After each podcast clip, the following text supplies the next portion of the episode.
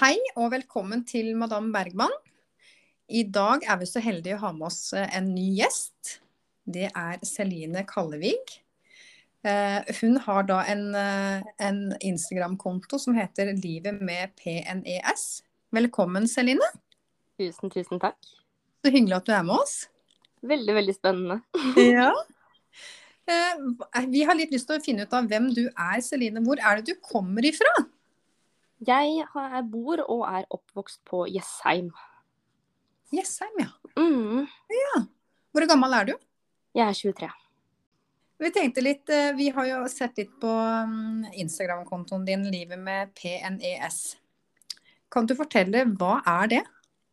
Ja. Um, PNES det står for psykiske ikke-epileptiske anfall. Mm, Dette er jo da den norske forklaringa på hva diagnosen heter, da. Ja. Mm. Eh, Den går innunder psykiatri. Og den er forårsaket av fysiske og psykiske belastninger over tid. Eh, For min del så var jeg jo veldig flink pike og har en del andre psykiske utfordringer som gjorde at det ga utslag i penesanfall. Akkurat. Ja, eh, det er veldig likt epilepsi. Eh, Men ko- hos oss med pnes kontra de med epilepsi, så er ikke anfallene forårsaket av noe endring i aktiviteten i hjernen. Hvis man Nei. har en sånn undersøkelse med elektroder på hodet til oss med pnes, så gir det ingen utslag. Nei. Nei. Sånn at det er den Hva skal man si? De anfallene våre kan vare lenger, og de kan se like altså sånn i anførselstegn, dramatiske ut som et epilepsianfall. Mm. Men vi kan ikke medisineres. Nei, akkurat. Nei, så vi får ikke stoppa anfallene våre med, ja, med medisiner, da. Nei, så når du får et anfall, så må det anfallet bare bli ferdig. Ja, det må gå sin gang, og det er jo blant eh, en utfordring, for at de kan til tider være såpass lange og harde, så det er jo en stor påkjenning. Ja. Ja. Hvor, eh, hvor lenge kan et anfall vare liksom på det lengste?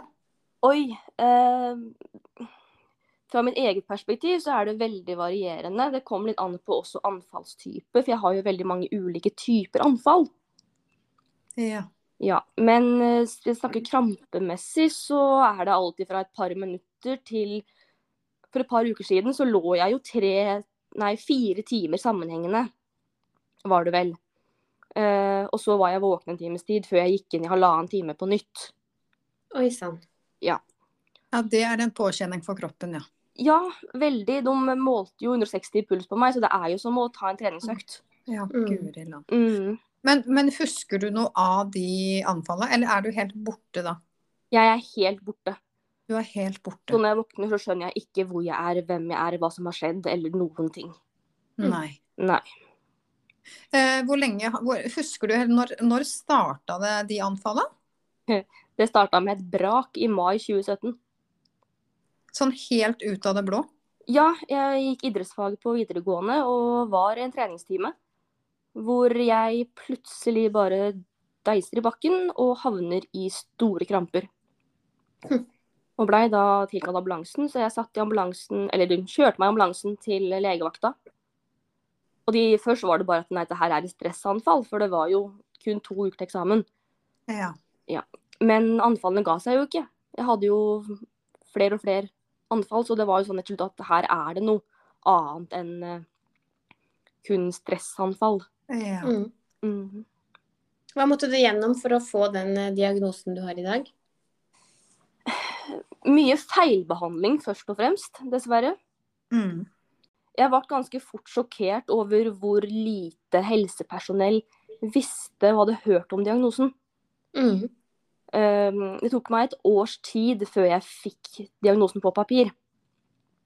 Ja. Men i mellomtiden der så hadde jeg jo vært medisinert, og jeg blei en periode tvangsinnlagt. Fordi at de klarte ikke å plassere meg innenfor noe gruppe, hvis man kaller det- kaller det det. Mm. Sånn at de så på meg som uforutsigbar. Ja. De sa at det var en form for kamuflert selvskading, dessverre. Ja. Men åssen følte du på det, da? Jeg skjønte jo at det her passer jeg jo ikke inn. Mm. jeg måtte jo selv forklare at, eller forsvare at jeg kan ikke noe for dette her. Det er ingen som vil ha det sånn. Nei. Det er ingen som ønsker å plutselig gå i svart og gå glipp av skolen, gå glipp av eksamen, gå glipp av hverdagen, da, idrett, tid med venner, familie. Altså, Mm. Mm. jeg blei jo snudd på huet dette livet når jeg fikk mine første anfall. Ja. Mm. Mm. Men følte du at de ikke forsto hva som skjedde med deg? Ja. Eh, fordi at det, det altså Tilbake til i stad, at jeg sjokkerte meg sånn at ikke de kunne hjelpe meg mer, og at de på en måte var så usikre på hva dette her var for noe. Mm. Eh, og det tok så lang tid før jeg egentlig fikk noe utredning. Mm. Eh, så jeg hadde jo utrolig mange turer med ambulanse og også sykehusinnleggelser, hvor de bare Mm. sendte meg hjem igjen. De sendte deg hjem igjen, ja? Ja. Guri land. Ja ja, så det var eh, fram og tilbake, fram og tilbake i ja, så å si hele 2017. Mm. Men du må ha kjent på en type frykt da, Celine, når du på en måte vet at det er noe som ikke stemmer med deg, og du f- blir kanskje ikke hørt, og du får kanskje ikke den hjelpa du trenger. Hvordan var den perioden for deg da, sånn, da tenker jeg sånn inni deg, da, de tankene og følelsene du satt med da, når du attpåtil har Du er redd, da. Det har skjedd noe med deg, og samtidig så får du på en måte ikke den hjelpa du trenger. Nei, jeg, jeg blei jo mer isolert. Ja. Eh, Jeg har alltid vært, likt å være sosial, men al- ikke vært bestandig så trygg i å være sosial. Men nå ble jeg jo enda mer tilbakeholden og Mm. veldig, jeg fikk en sånn frykt. fordi at jeg visste jo ikke om dette her var skadelig. Kan jeg dø av det? Mm. Mm. Eh, Man får jo de verste tankene, selvfølgelig. Og eh, innad i huset også. Familien var jo kjemperedde, for vi visste jo ingenting. Nei. Sånn at det, det er den frykten og usikkerheten som kanskje satt hardest i meg. Ja. Mm. Jeg Litt sånn, hva, hva, hva gjør man? Mm. Men er eh, PNS farlig? Det er ikke farlig med Altså forbehold at man ikke skader seg, da. Ja. Jeg har jo hatt ganske mange store og alvorlige skader, sånn at jeg har jo vært uheldig.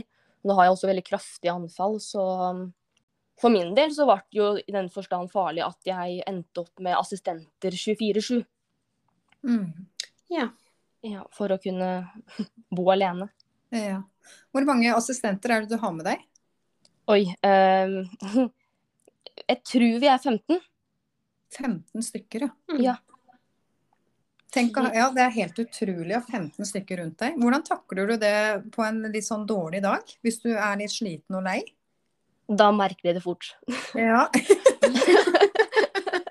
Nei, altså, du, du sier jo det at dine nærmeste er de som får det. Og når vi er liksom så mange timer i et, en leilighet som ikke er så innmari stor, så selvfølgelig blir det veldig tett. Mm. Eh, nå er det jo heldigvis én på vakt om gangen, for det er jo tredel turnus. ja. Så det Det er Mm. ikke er- alle 15 samtidig? Nei, nei, det er tre i døgnet. Det er ikke så vanskelig å ha med å gjøre, heldigvis.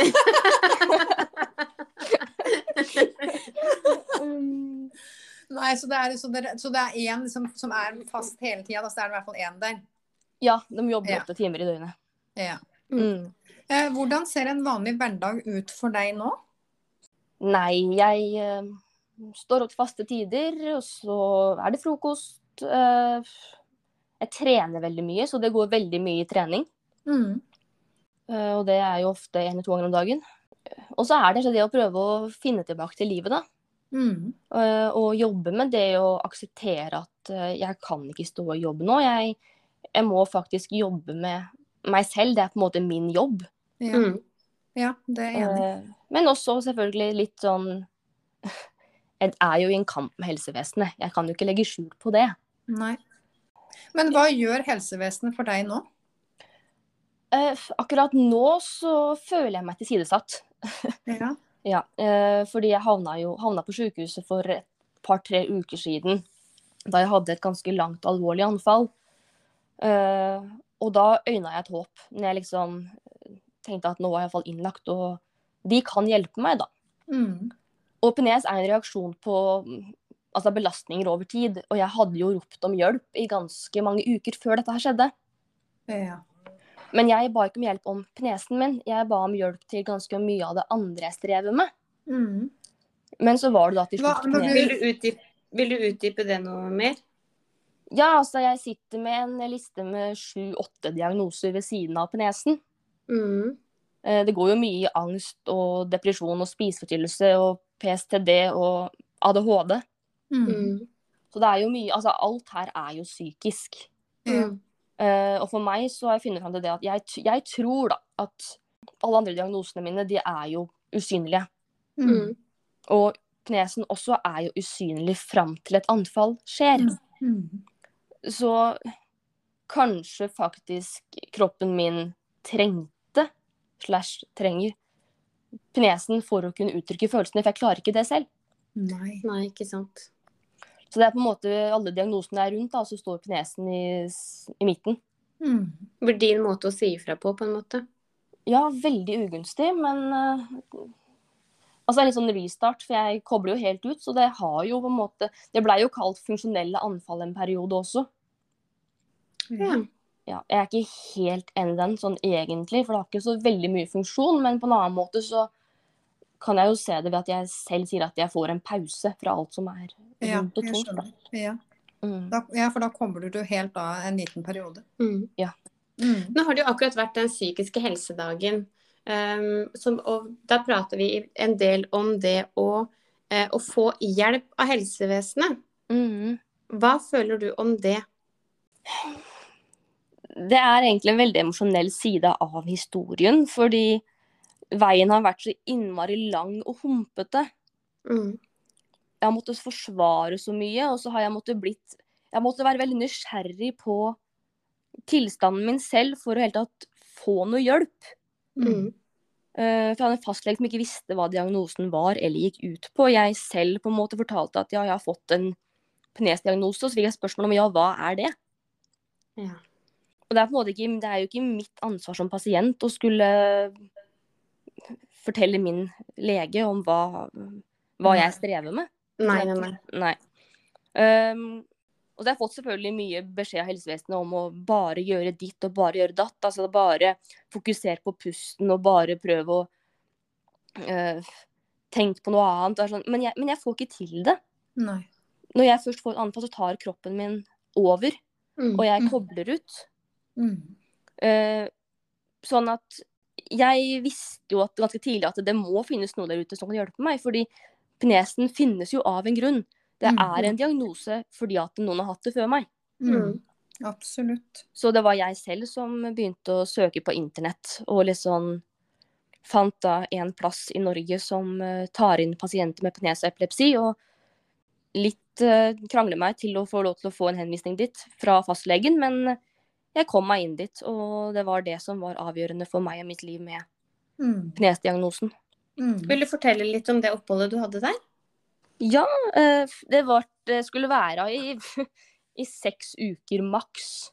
Men jeg tror de skjønte ganske fort at her var det mye å ta tak i. Jeg var i dårlig form. Det var eh, mye sammensatt, sånn at jeg Plutselig var jeg blitt et halvt år, og så var jeg blitt et år, og så dro, Mm. fikk jeg lov til å skrives ut etter 18 måneder. Ja. Hvor er det du var hen da? Eh, på en rehabiliteringsavdeling som ligger på Hadeland, som heter Røysundtunet. Mm. Så de eh, kan jeg si- Følte du at de tok deg på alvor, at du fikk virkelig den hjelpa du trengte der? Åh, veldig. Mm. Mm. Eh, jeg pleier liksom å si at jeg trakk gullkortet og fikk Ja. livet tilbake den dagen jeg møtte Røysundtunet. Å, så flott. Mm. For en fantastisk følelse det må ha vært for deg. Det var betryggende, Mm. eh, og der måtte jeg liksom heller ikke forsvare noe. Også de jeg var innlagt sammen med, de, de visste jo hva penes var, Ja. Mm. og de aksepterte penesen, så det var litt sånn jeg kunne også være sammen med altså Der var det både penes- og epilepsipasienter. Mm. Men jeg kunne likevel omgås i hverdagen 19 andre pasienter som skjønte hva det ville si å ha et anfall, eller skjønte hva belastningen av anfall er, da. Ja. Mm. Og det er jo godt i seg sjøl, når du tenker på når du da står aleine i en diagnose, at du har noen rundt deg som faktisk skjønner hva du står i. Ja. For det er klart at de andre rundt deg er jo ikke i stand til å fatte hva du står i 100 Nei, altså, jeg skjønte, skjønner slash skjønte det jo ikke sjøl. Nei. Nei.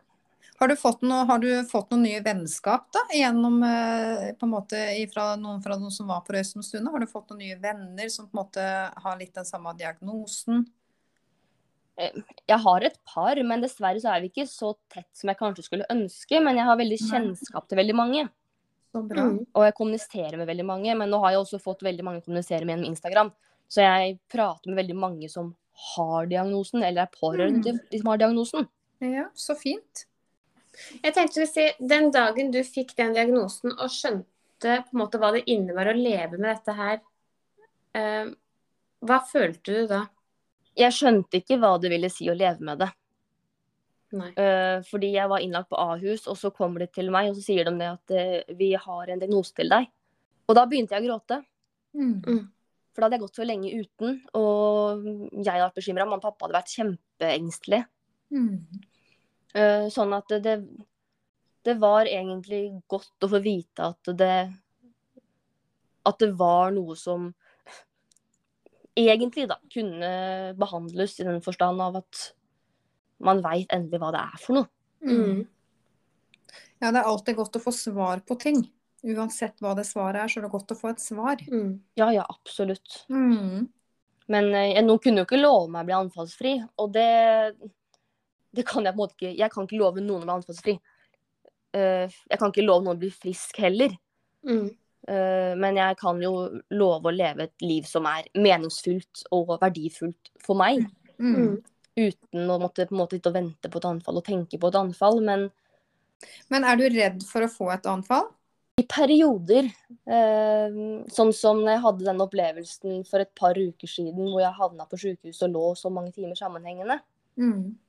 etter det så er jeg veldig engstelig for at noe sånt skal skje. Ja. Og kanskje litt mer tilbake til isolasjon enn jeg har eh, vært en periode nå, da. ja. Men da har jo assistentene kommer inn, for de drar meg jo med ut døra daglig. ja. Mm. Men så ja, nå vil jeg si at jeg er litt redd. Det går an å bruke de orda, tro. ja. Ja. Men merker du på kroppen før du får et anfall? Nope. Og det er der utfordringen ligger. Mm. Ehm, altså, nå sitter jeg blant og rykker, altså skulderen min eh, rykker, altså sånne små støt. Og så får jeg noen sånne spesielle grimaser i ansiktet, og det kan jeg merke fordi at det er såpass ubehagelig, og da er jeg til stede. Mm. Men det er egentlig den eneste anfallstypen jeg merker eh, når det handler om kramper eller sånne såkalte tilstivninger, hvor kroppen bare blir stiv i noen sekunder, Mm. så er det ingen tegn til forvarsler. Nei. Eh, de har- assistentene kommer inn i den forstand at de, de må reagere raskt. Ja. og få meg ned på gulvet når jeg kramper, og få på meg en sånn anfallshjelm som vi har. ja. Mm. Som vi har valgt å kalle for Ludvig. Ludvig! Fordi at eh, Ludvig sier jo det er farlig, det. Eh, og for meg er det farlig å ikke ha på meg hjelmen under anfall. Ikke sant. Det er en ting som vi har sett på Instagram-kontoen, at du, har, du bruker en del humor. Uff, ja. Jeg... det er en del humor, og iblant litt eh, grovt, kanskje. Nei, men det er, det er skikkelig gøy. Altså, vi, men vi, vi, vi har ledd skikkelig. Altså, det er skikkelig morsomt. Det Men funker. for det jeg skulle si, når du da, eh, tilbake til anfallet da, føler du at du på en måte ikke kan gjøre noe? Du kan ikke, føler du at du på en måte ikke kan reise ut eller på en måte gjøre det normale fordi at du er redd for å få anfall? Låser du deg litt inne, eller er du på en måte flink da, som du sier at assistent er flink til å få deg med ut? etter at jeg valgte å være såpass åpen, så har jeg nok blitt bedre på å eh, bare hoppe i det og gå ut døra uansett form. Mm. Og vi har en avtale hjemme her at hvis jeg en dag er på en måte, hvis de merker at jeg er sånn anfallsmodus, så går vi ut uansett. For det kan jo skje når som helst og hvor som helst. Ja. Og vi skal ikke la livet begrenses fordi at jeg kan få et anfall. Nei. Litt mer eh, tilrettelegging må kanskje gjøres, og litt mer forhåndsregler. Men Mm. de er jo alltid med meg. Mm. Og det er derfor jeg også delte et par videoer på Instagram om anfallene mine. Fordi om folk ser meg i anfall på Instagram eller i butikken, det har ikke så mye å si. Nei. Åssen er det for deg sjøl å se deg sjøl bli filma med anfall? I starten var det fryktelig, fryktelig vondt. Mm. Eh, og sånn som den siste videoen jeg la ut når jeg var, var i ambulansen, eh, den også Da begynte jeg å gråte. Mm. Eh, men litt så fordi at eh, jeg syns det er vondt at faktisk psyken og kroppen kan ta så overhånd at det faktisk blir svart. Ehm, Mm. Um, samtidig som det er litt godt. eh, å se at jeg er så borte som det jeg føler meg. Og jeg kan ikke forstå at eh, helsepersonell eller noen rundt meg har tvilt på at dette her ikke er et skuespill. Nei. Mm. For det har jo vært mye av det. Ja, det må ha vært en vond følelse å føle ikke å bli trudd, da. Ja, litt sånn der slutt og kram for oppmerksomhet. Nå må du kutte ut. eh, Du vil ikke få bedre Bli behandla annerledes fordi at du har anfall. Mm. Eh, ja, jeg var bl.a. på Nav her og det er en tid tilbake, og fikk et anfall på et møte hvor da etter en stund så spurte da vedkommende om kan du ikke be henne bare slutte nå? Nei. Jo, jo. Og litt sånn ja, OK, eh, men altså dette her er Det er sånn det er, da. Det har Mm. ikke noe slutt før det er, før det er ferdig. Nei.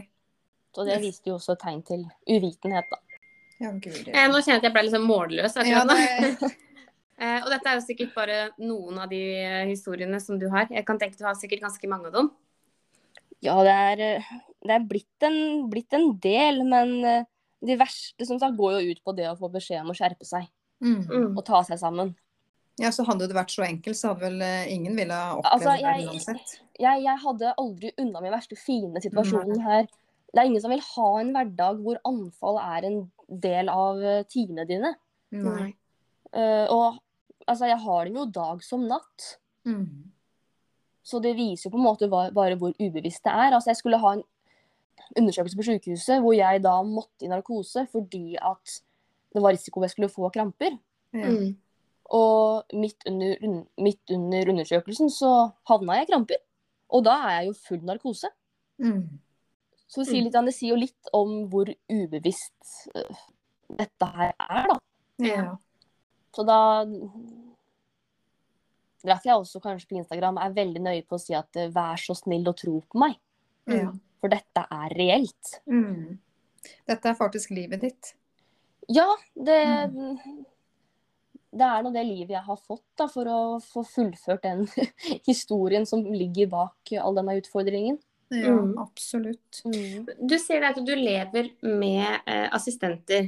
Mm. Ehm, men var det sånn at du For nå har jo du egen leilighet, ikke sant? Ja. Trodde du det da, etter at du fikk diagnosen, at du kunne få muligheten til å bo for deg sjøl? Jeg tror ikke jeg tenkte så langt fram i tid. Ehm, for jeg bodde jo hjemme, for jeg var jo nettopp ferdig med videregående. Eller lå litt på ettertid. Jeg fikk fullført videregående samme året, heldigvis. Men eh, Mm. mesteparten av det året jeg fikk med det, så var det jo fe sommerferie. Ja. Eh, men jeg tror ikke jeg tenkte så langt fram i tid, med den forstand av at eh, jeg tenkte OK, jeg er 18 og er blitt syk, jeg får bo hjemme da. Mm. Og planen var ikke å flytte ut med det første, men så havna jeg jo på Røysentunet. Mm.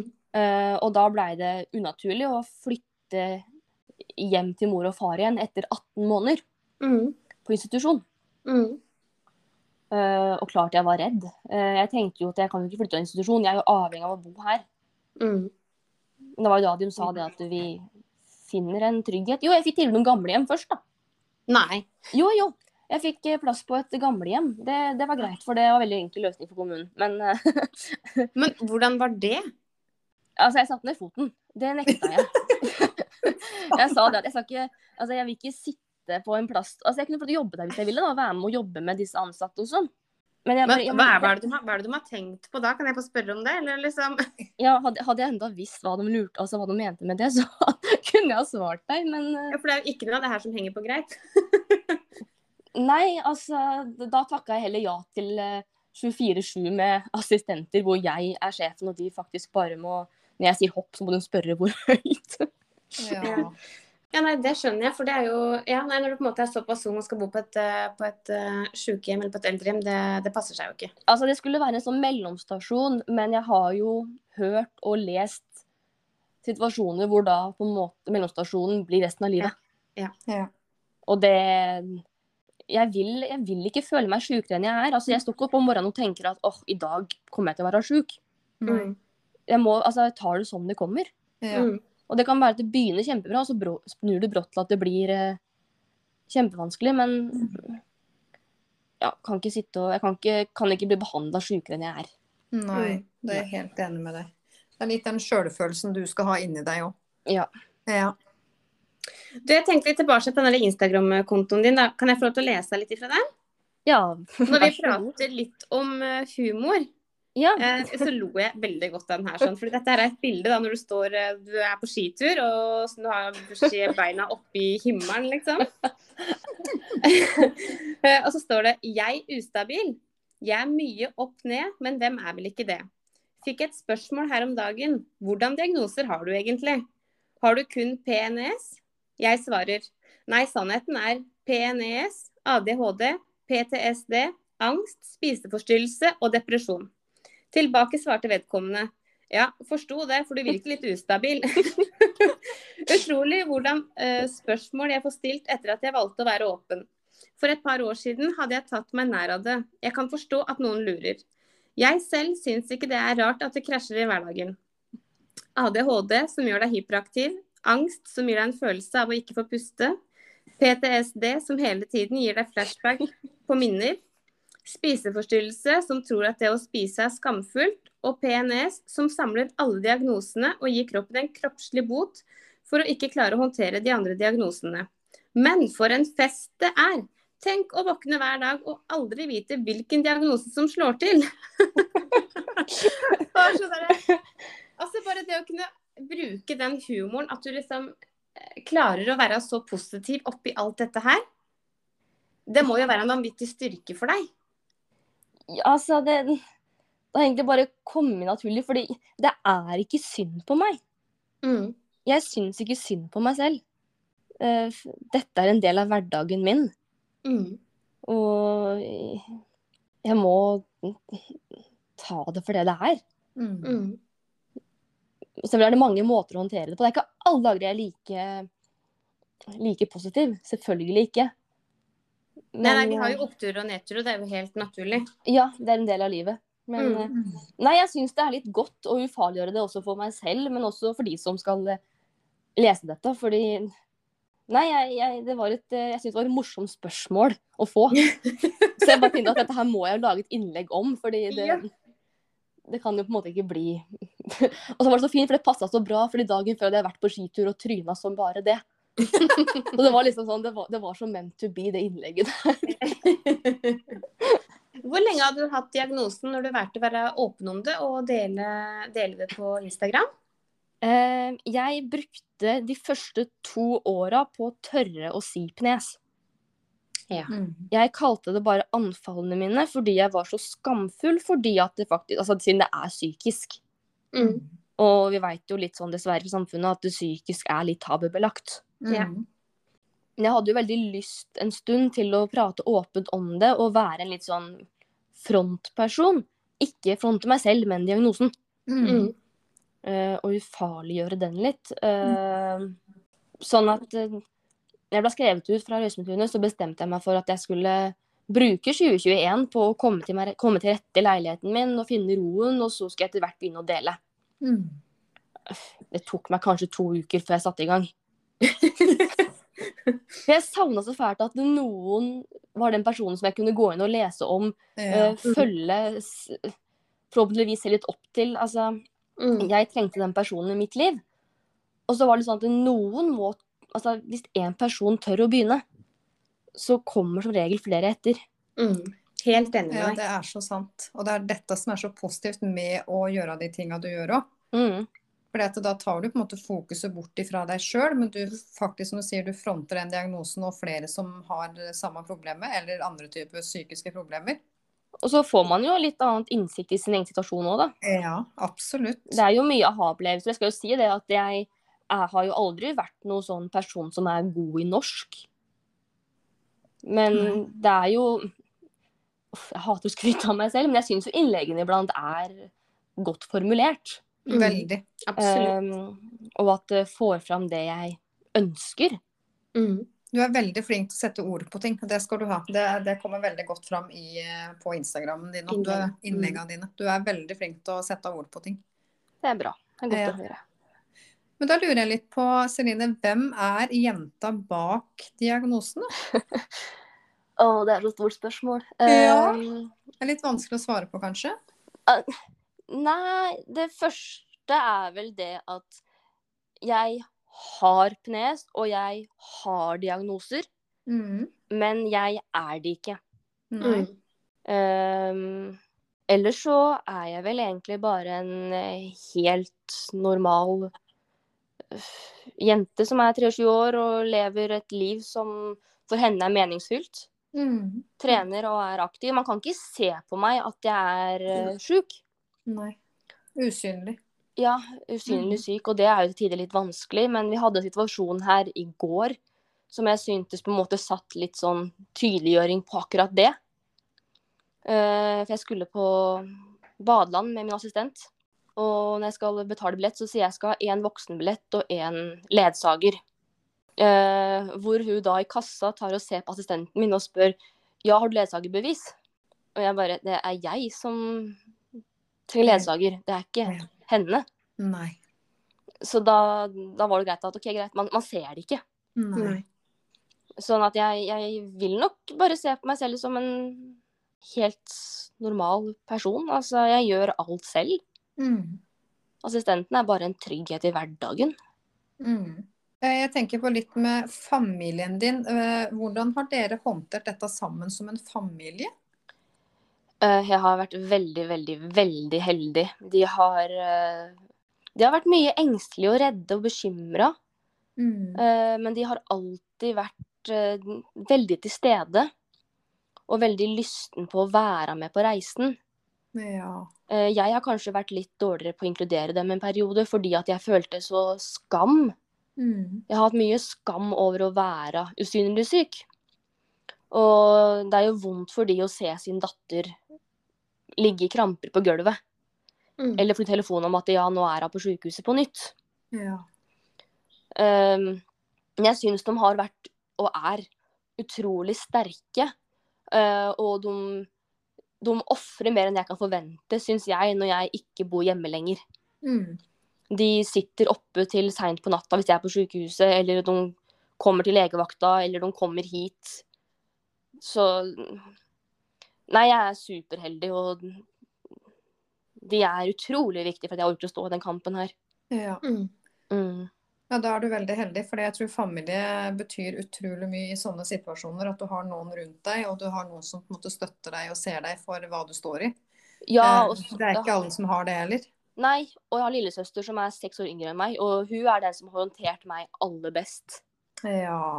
Eh, sånn at der har jeg jo ikke bare en søster, men en bestevenn. Og også, selv om hun er yngst, så ser jeg opp til henne. Ja. For hun eh, har tatt på seg mye av eh, mange av tåretelefonene og frustrasjonstelefonene og sånn, men eh, vi er en veldig sammensveisa og familie. Veldig tett. Ja, så godt å høre. Ja. Ja. Jeg tenkte litt på nå, klart, nå har jo jeg og Merete, og vi er jo også veldig eh, Som jeg sier, vi er jo ikke bare søstre, vi heller. Vi er jo bestevenner. Så jeg skjønner veldig godt hva du mener når du sier det. For det er noe med Mm. når du har den der ene tryggheten. eh, Det kan hjelpe utrolig mye, da. Bare den ene tryggheten der har mye å si på hvis en har en dårlig periode.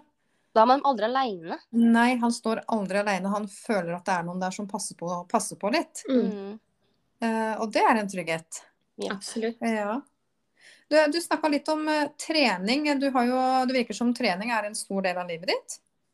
Ja, trening, endorfinrush, er eh, min viktigste medisin. Ja. Eh, fordi nå trener jeg crossfit. Eh, jeg drev jo med drilling før, så det er jo ganske kontrast fra å gå fra Ja. litt sånn elegante bevegelser til nå liksom om å gjøre å svette mest og Men jeg, har, jeg liker den harde formen å trene, altså harde formen å trene på. Mm. Ehm, fordi jeg kan være syk her hjemme og ha en veldig dårlig dag, og så reiser jeg bort på crossfiten, og idet jeg går inn døra, så føler jeg meg så utrolig frisk, Ja. og er så i nuet. Mm. Og så hvis jeg kommer ut av boksen igjen, eller crossfit-boksen, da, og kan gå tilbake i samme dårlige humør som før jeg gikk inn, men da har jeg i hvert fall hatt én time med pause og én time med Celine-tid. Ja. Så flott. Eh, sånn at det hadde ikke jeg kunnet trene, så Nei, den har vært viktig hele veien. Mm. Det skjønner jeg. Og trening er på en måte, som jeg sier, trening er ikke på en måte, det er på en måte psykisk og fysisk. Da. Det, er på en måte, det skjer jo på en måte noe positivt i, eh, på en måte, i huet ditt og når du trener. For du, det er noe du gjør for deg sjøl, ikke minst. Du har selinetid. Mm. Eh, Ja. Du styrker kroppen din, ikke sant. Du kan ikke få ut kanskje litt ting som du kjenner på at du får ut litt sånn kick.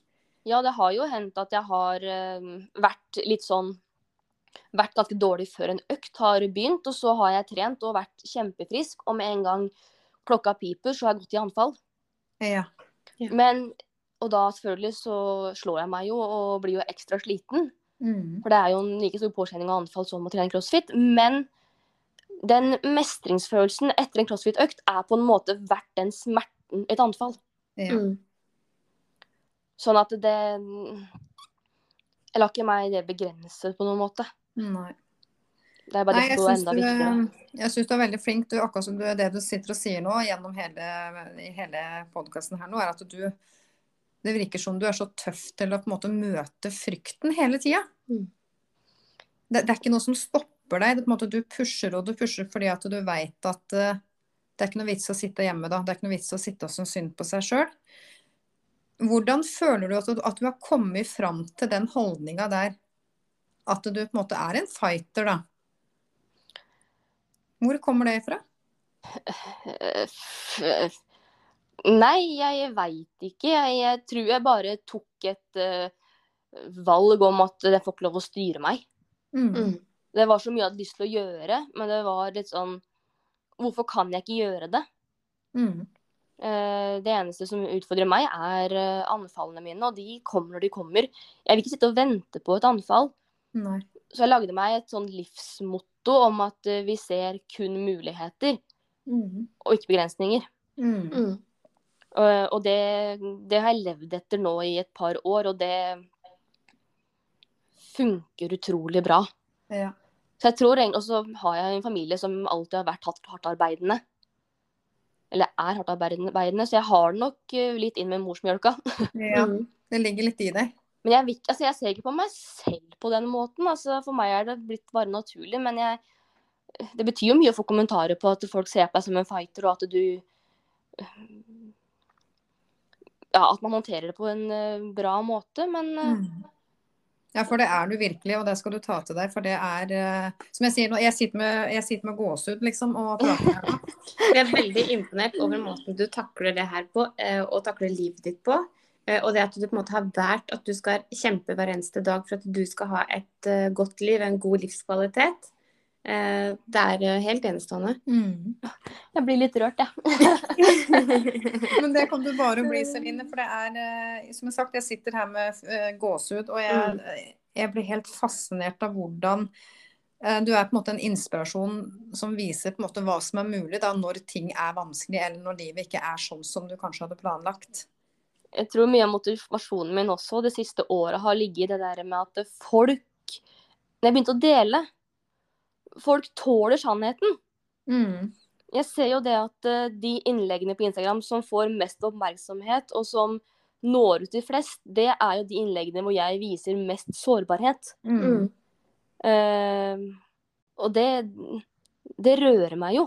Ja. Samtidig så er jeg opptatt av at jeg vil, kan ikke dele bare det negative eller utfordringene. Jeg må jo også vise at det, det er jo glede og håp her også. Jeg har, det er ikke svart, liksom. Nei. Jeg syns du er veldig flink til å vise alle sidene ved livet ditt. Så bra det er det. Det Og er det det jeg at du er håper at folk så- ser. Det at du er så tøff og deler alt, og hvor langt du har kommet med diagnosen din og deg sjøl som person. Du er 23 år. Tenk Ja. hvor langt du har kommet. Tenk hvor på en måte, eh, kan man si, heldig i gåseøynene at du på en måte har klart å oppdage livet på den måten du har gjort i en alder av 23 år. Jeg har nok vært veldig interessert. Eh, men jeg har nok blitt veldig voksen fort også, tror jeg, av Mm. å ha strevd så fælt. Mm. Ja. For det er jo selvfølgelig mye lærdom i all den motgangen vi har. Absolutt. Til tider litt for mye lærdom, men eh, Mm. Mm. Nei, men altså, hvis jeg klarer å nå altså, Hvis folk oppfatter det sånn som dere sier det nå, så er jeg kjempehappy. For da har jeg begynt å få Ble du til det litt jeg overraska ønsker. nå? Men da har jeg begynt å få til det jeg får til, så da er jeg kjempefornøyd. Eh, ikke nok med det, du holder jo foredrag. Ja. Hvor er det du holder foredrag igjen? Eh, nå Eller for har- hvem? Eh, Jeg har holdt det bl.a. på institusjonen der jeg var innlagt. Der holdt jeg det for en runde for ansatte og en runde for pasientene.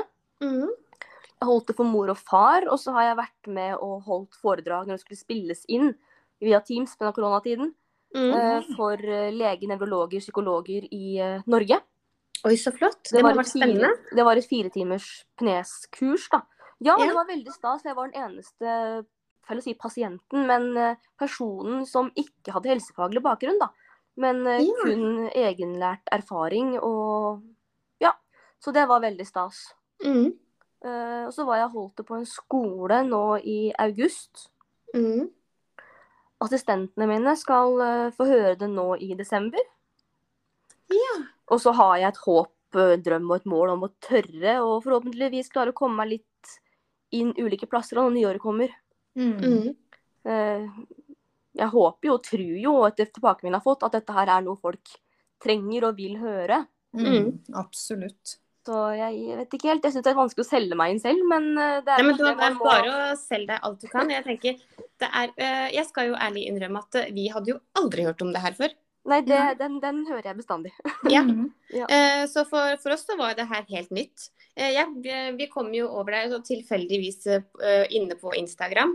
Mm. Eh, som jeg bare var inne og leste, tenkte jeg jøss navn, så, så, så utrolig at vi aldri har hørt om det her før.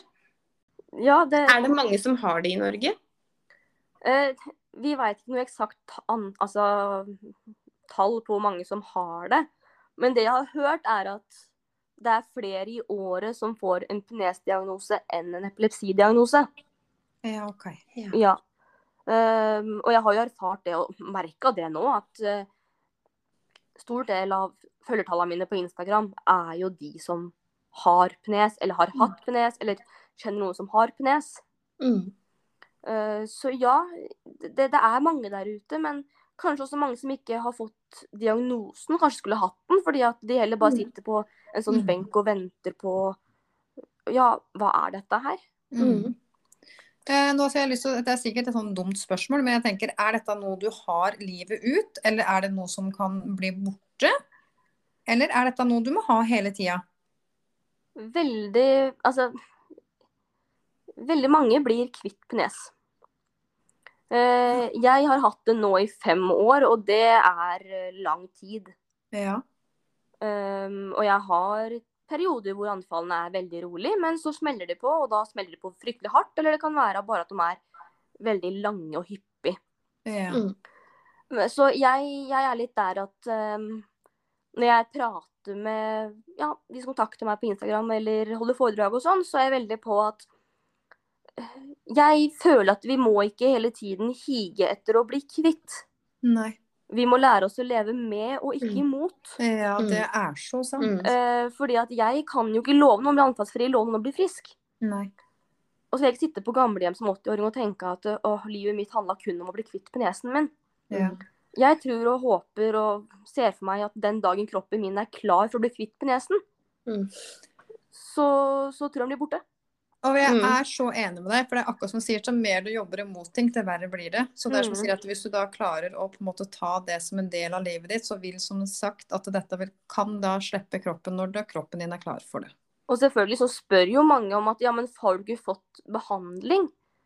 Og dette her er jo, som, siden det er belastninger psykiske og fysiske over tid, Mm. så er det sånn jo, jeg har vært i traumebehandling hver dag i 18 måneder. 24-7. Ja. Um, men likevel så er det noe som gjør at jeg, jeg, jeg blir ikke kvitt det. Altså, jeg Nei. sitter enda med diagnosen Mm. og har enda anfall. Mm. Sånn at jeg, for meg så jeg Selvfølgelig håper jeg at jeg kan leve livet en gang uten penes, eller at jeg iallfall kan få forvarsler så jeg slipper å sitte med 24-7. Ja. Mm. Det er jo en fantastisk eh, gode jeg har å kunne ha assistenter døgnet rundt, men det er ikke Mhm. noe man ønsker i alder av 23. Nei. Jeg hadde jo lappen i ett år på dagen. Ja. eh, og når jeg mista den, så skjønte jeg det at ok, dette her er faktisk i gåsetegn alvorlig. Ja. Mm. Selv om diagnosen i seg selv ikke er så alvorlig, så er jo tilstanden eller faren der. Mm. Så Ja, det jeg- blir jeg store har- konsekvenser da rundt det. Ja, så jeg har ikke Mm. noe sånn Jeg veit at mange har blitt kvitt det, men jeg, jeg må f- lære meg, eller har lært meg, at jeg må bare leve med og ikke imot. Fordi fem år er lenge, lang tid, og jeg er kjempesliten og kjempelei. Mm. Mm. Men eh, jeg får ikke stoppa det selv. Nei. Så det, det er egentlig det svaret der jeg har på spørsmålet. Ja.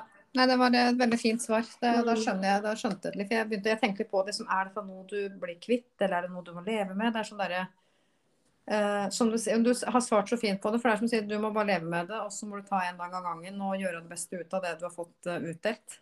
Det kan jo være at mange tenker at eh, siden det det er mange som sier at ja, men det er jo bare pnes. Jeg er ikke noe glad i å bruke ordet bare. Nei. Fordi for meg så blir det liksom det å bagatellisere diagnosen litt. Grann. Ja. Mm. Jeg liker heller å si at det kun er. Ja. Eh, For jeg kan ikke bestemme om jeg skal ha et anfall eller ikke. Nei. Nei, Som jeg var inne på i stad, hadde jeg valgt å ikke ha den. ikke sant. Eh, Sånn at det er, det er liksom ikke bare å si Fokuser på pusten, eller eh, Ja, men kan du ikke bare la være å få et anfall nå? Altså, Ja, tenk om det hadde vært så enkelt. jeg Du, du ville på en måte aldri bedt en å, Det blir litt- kanskje litt langt å trekke inn, men du ville aldri bedt en kreftpasient slutte å ha kreft. Nei. Nei. Så jeg blir litt der, hvorfor skal man da på en måte hele tiden, med oss som er usynlig syke, psykisk syke da, spesielt, Mm. eh, be oss om å bli kvitt, skjerpe oss, ta oss sammen. Gjør Mm. det, gjør ditt, gjør Mm. datt. Jeg syns det blir litt eh, Hva, hva er ditt råd til eh, de som lever med PNS? åh, le, Eller de som med, kanskje venter på en diagnose? ja, le med og ikke imot. Mm. Mm. Eh, la det som kommer, komme. Eh, vær nysgjerrig. Og vær åpen. Mm. Mm. Tør å stå for at dette er diagnosen min, og sånn er det. Mm. Ehm, det er ikke farlig, og det Altså, I starten skulle jeg ønske at jeg hadde epilepsi, for det veit alle sammen hva er for noe. Ja. Mye lettere diagnose. Men jeg kunne jo kanskje. aldri vært så eh, Hatt en Instagram-konto som men jeg ikke har sett Altså, jeg har ikke sett noen andre som har kneskontoen. Nå skal ikke jeg si at det er noe spesielt, men altså eh, Jeg kunne aldri ha delt på samme måten til å få samme oppmerksomheten hadde det vært ren epilepsi, kanskje, da. Mm. For det har folk hørt om. Mm. Så jeg tenker at folk Det er noe herk å leve med, men samtidig så er det jo litt unikt, da. Ja. Absolutt. Å ha noe som ikke Som alle Ingen alle har. andre har. Mm. Det er litt feil ut, det også. men- altså. Nei, men det, var, nei, men det er helt riktig. Det. det er helt riktig. Du må klare å på en måte Han må ikke se bare det negative. Da. Han må klare å faktisk Det er mye som er positivt òg. Ja. Eh, generelt, eh, i, altså i et liv så vil vi møte på ting som er vanskelig, og vi må klare å finne på en måte begge sider, da, både det gode og det vonde. Mm. Og selv om veien til hjelp er lang og tung, så lover jeg at det, det er hjelp ute å få. Det ja. finnes folk som kan og veit om pnes. Mm. Altså, nå har jeg hatt mye ambulanse innom her det siste året, og for å si det sånn, da, de trenger ikke å spørre lenger når de kommer hit. De er ganske kjent med meg. ja, du vet hvem du er. Ja, sånn at det er jo mange av de som følger meg på Instagram også, så jeg har jo Det er sånn hvordan få følgere? Nei. Ambulansetur, kanskje? Ja. Det er sånn, sånn jeg gjør det. Ja. Men eh, sånn at eh, de må også være- ha sagt det, og det har jeg merka at Penes er på vei oppover i eh, helsevesenet også. Mm. Så bra. Og det Og du- har du jo, det, er- det, det kan, da kan du tenke litt på deg sjøl, at den eh, du, du, som du lager en vei for mange andre om å dele det du gjør også. Ja, jeg håper det. Nå jobber jeg Ja. som frivillig i Epilepsiforbundet også, fordi vi går innunder der. Så bra.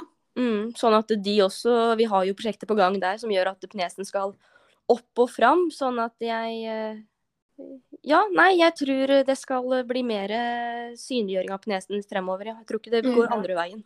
mm. Så bra. Det Mm. er en fantastisk eh, jobb du gjør, eh, Celine. Tusen, Jeg er helt tusen takk. imponert. Ja, det er eh, Så jeg tenker eh, For dem som kanskje sitter hjemme med en PNS-diagnose, eller som kanskje er usikker på om de kanskje har det, eller eh, så vil jeg bare råde til å gå inn på Instagram-kontoen din. Jeg tenker Det er en vanvittig trygghet. Det er motiverende. Og du får, det er en dose med humor. Du får litt opp i alt det her òg, fordi du viser alle sider av det å leve med PNS. da. Ja. Mm. Jeg syns det er fantastisk.